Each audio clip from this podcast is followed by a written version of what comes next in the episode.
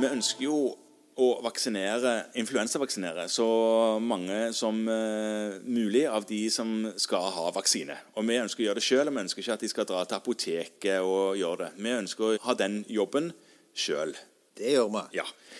Problemet i år, 2020, er jo at man eh, sitter og eh, tenker at vi skal ha færrest mulig inn på kontoret. Ja. For å minst mulig eksponere folk for hverandre, på et ja. vis. Og du skal i hvert fall ha så få som praktisk mulig sittende og slenge på kontoret samtidig. Ja, det, er det, det er akkurat det. Ja. Men, men når man tidligere har drevet og influensavaksinert folk, så har man mer hatt en sånn åpen dør-policy. Jo flere man klarer å få trygt inn på legekontoret i løpet av én arbeidsdag, jo bedre er det. Ja. For da får man vaksinert Altså da øker vaksinasjonsgraden, Ja. dekningen. Sånn kan det jo ikke bli i år. Iallfall ikke på samme måte. Den øker vel ikke av at du stapper folk tett sammen. Det er vel fordi du vaksinerer mange, er det Det ikke det? var det jeg tenkte, at jeg ja. klarte å stikke alle som kom. Ja. Men vi ønsker jo fortsatt å vaksinere. ja, og jeg tror jo at i år så tenker jeg at kanskje er det enda flere som også vil bli vaksinert. Det tror jeg du får rett i. Ja, og vi har et veldig sterkt fokus på at alle som er i risikogruppene, bør vaksineres. Og alle som tenker at de er i nærheten av noen i risikogruppene, bør vurdere å vaksineres. Ja. Fordi at det å redusere luftveissykdom, og influensa er en av de, Mm. i denne pandemitiden, er ekstremt viktig.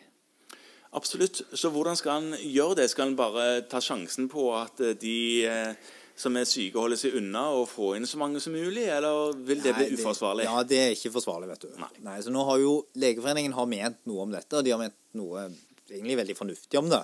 Ja, så denne covid-innsatsgruppen? Ja, og Ja. Legeforeningen generelt. da. Det var innsatsgruppen som sendte dette ut. Og det de skriver, er jo egentlig gode og greie råd. Det ene, og det er viktig, det er at kutt ut sånn drop-in-vaksinering.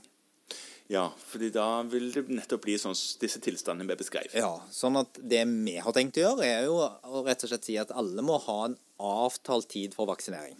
Og må man Ja. lage seg en eller annen egen timebok, egen ordning. Nå vet jeg at, at journalleverandørene holder på å jobbe litt med å finne løsninger for online-booking, som da ikke er legeknytta, Mhm. eh, for akkurat dette. Eh, Så det arbeides det med. Og Vi i, arbeider fort, da.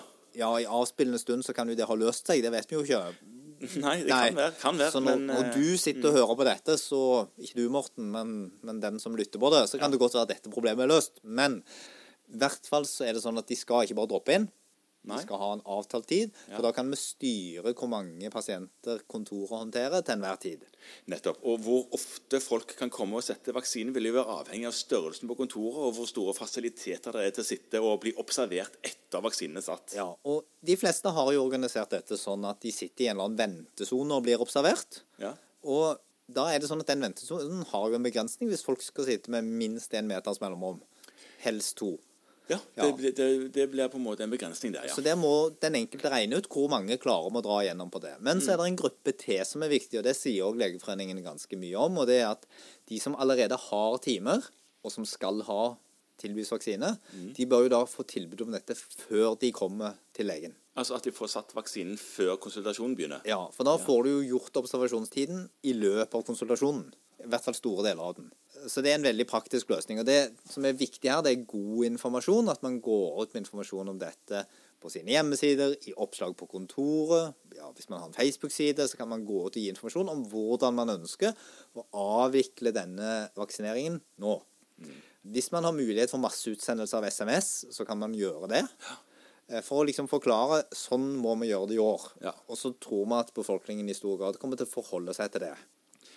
Det som blir viktig hvis, all, altså hvis flere skal ha observasjonstiden etter vaksinering inne hos den enkelte lege, blir at den enkelte lege har anafylaksi-utstyr på kontoret sitt. Ja, i hvert fall noenlunde lett tilgjengelig. Ja, sånn at ikke alle springer til det samme akuttskrinet samtidig. Nei, nå får vi jo håpe. Altså, når hadde du sist en anafylaksi av influensavaksine på kontoret? Nei, men altså, det er når man minst, minst venter det. Ja, det er det. Ja. Eh, Du må iallfall vite hvor det ligger. Ja. Eh, Og det tenker jeg kanskje er det viktigste mm, hos oss. Det er det at de som vanligvis setter disse vaksinene, som jo skjer ute på laboratoriet, de vet hvor den af- anafylaksiboksen står. Mm. Eh, Det er ikke sikkert at den nye kollegaen din har fått med seg det Nei, helt. det er akkurat det. Eh, Og det er viktig. Ja, og så er det der som vaksinen skal settes. Det er jo ikke sikkert at det skal være på laboratoriet. Hvis det er tilgang til et eget rom for det, så kan det være greit å kanskje ha et kjøleskap inne der. sånn at det, Der ligger vaksinene, Ja. og der settes de. ja. Sånne ting som det kan være smart. Det må man tenke gjennom og organisere på en god måte. Men skal ha et forsterket smittevern hvis en skal ha mye folk igjennom. Det skal en jo ha nå uansett. Det er kjempeviktig. Mm. Ja. Og så skal en prioritere risikogruppene. ja. Og det er kjempeviktig. Og da er det de over 65 år og de med kroniske sykdommer, som er definert som risikogruppene, som skal vaksineres først. Og som skal prioriteres først. ja. Så får vi håpe da at det er vaksine nok til alle, hvis apotekene setter over en lav sko til alle som kanskje burde vente. Ja, vi får satse på det. Det har historisk sett ikke vært et stort problem. Nei da, det har ikke det. Det hadde nesten vært gledelig hvis det ble et problem. Ja, På ett på ett vis. På et Ja. annet vis kanskje ikke. Eh, Ja, men det hadde vært gledelig på den måten at vi hvert år egentlig sliter litt med at vaksinasjonsdekningen er litt for lav Ja. til å holde kontroll på, på influensaepidemien. Nå fikk vi en veldig mild sesong i år fordi at alle satte seg inne i sitt eget hus og ingen snakket med hverandre. Og det kommer jo til å virke også dette året. Men for all del, det er veldig viktig at vi vaksinerer, og det er særlig viktig at vi vaksinerer oss selv. Ja, oss selv, ja. Absolutt veldig viktig. Men det ble jo enormt mye mer styrete, dette her, når du har en pandemi på toppen.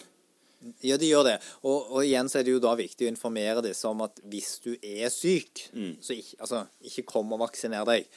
Nå tenkte jeg akkurat på at det er jo egentlig ganske greit, fordi at er det en gruppe vi alltid har spurt om de er syke, så er det jo de som skal ha vaksiner. Ja, ikke sant? Så det her ligger det på en måte inne i rutinen. Ja. Og spør de om det.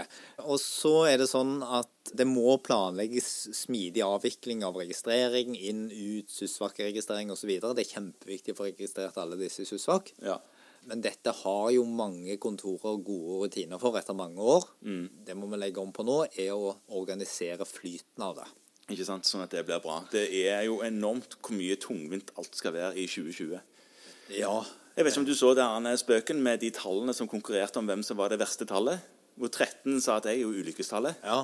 Hvor 666 sto borti hjørnet og bare lo. Nei. Men 2020 følte han vant. Ja. ja.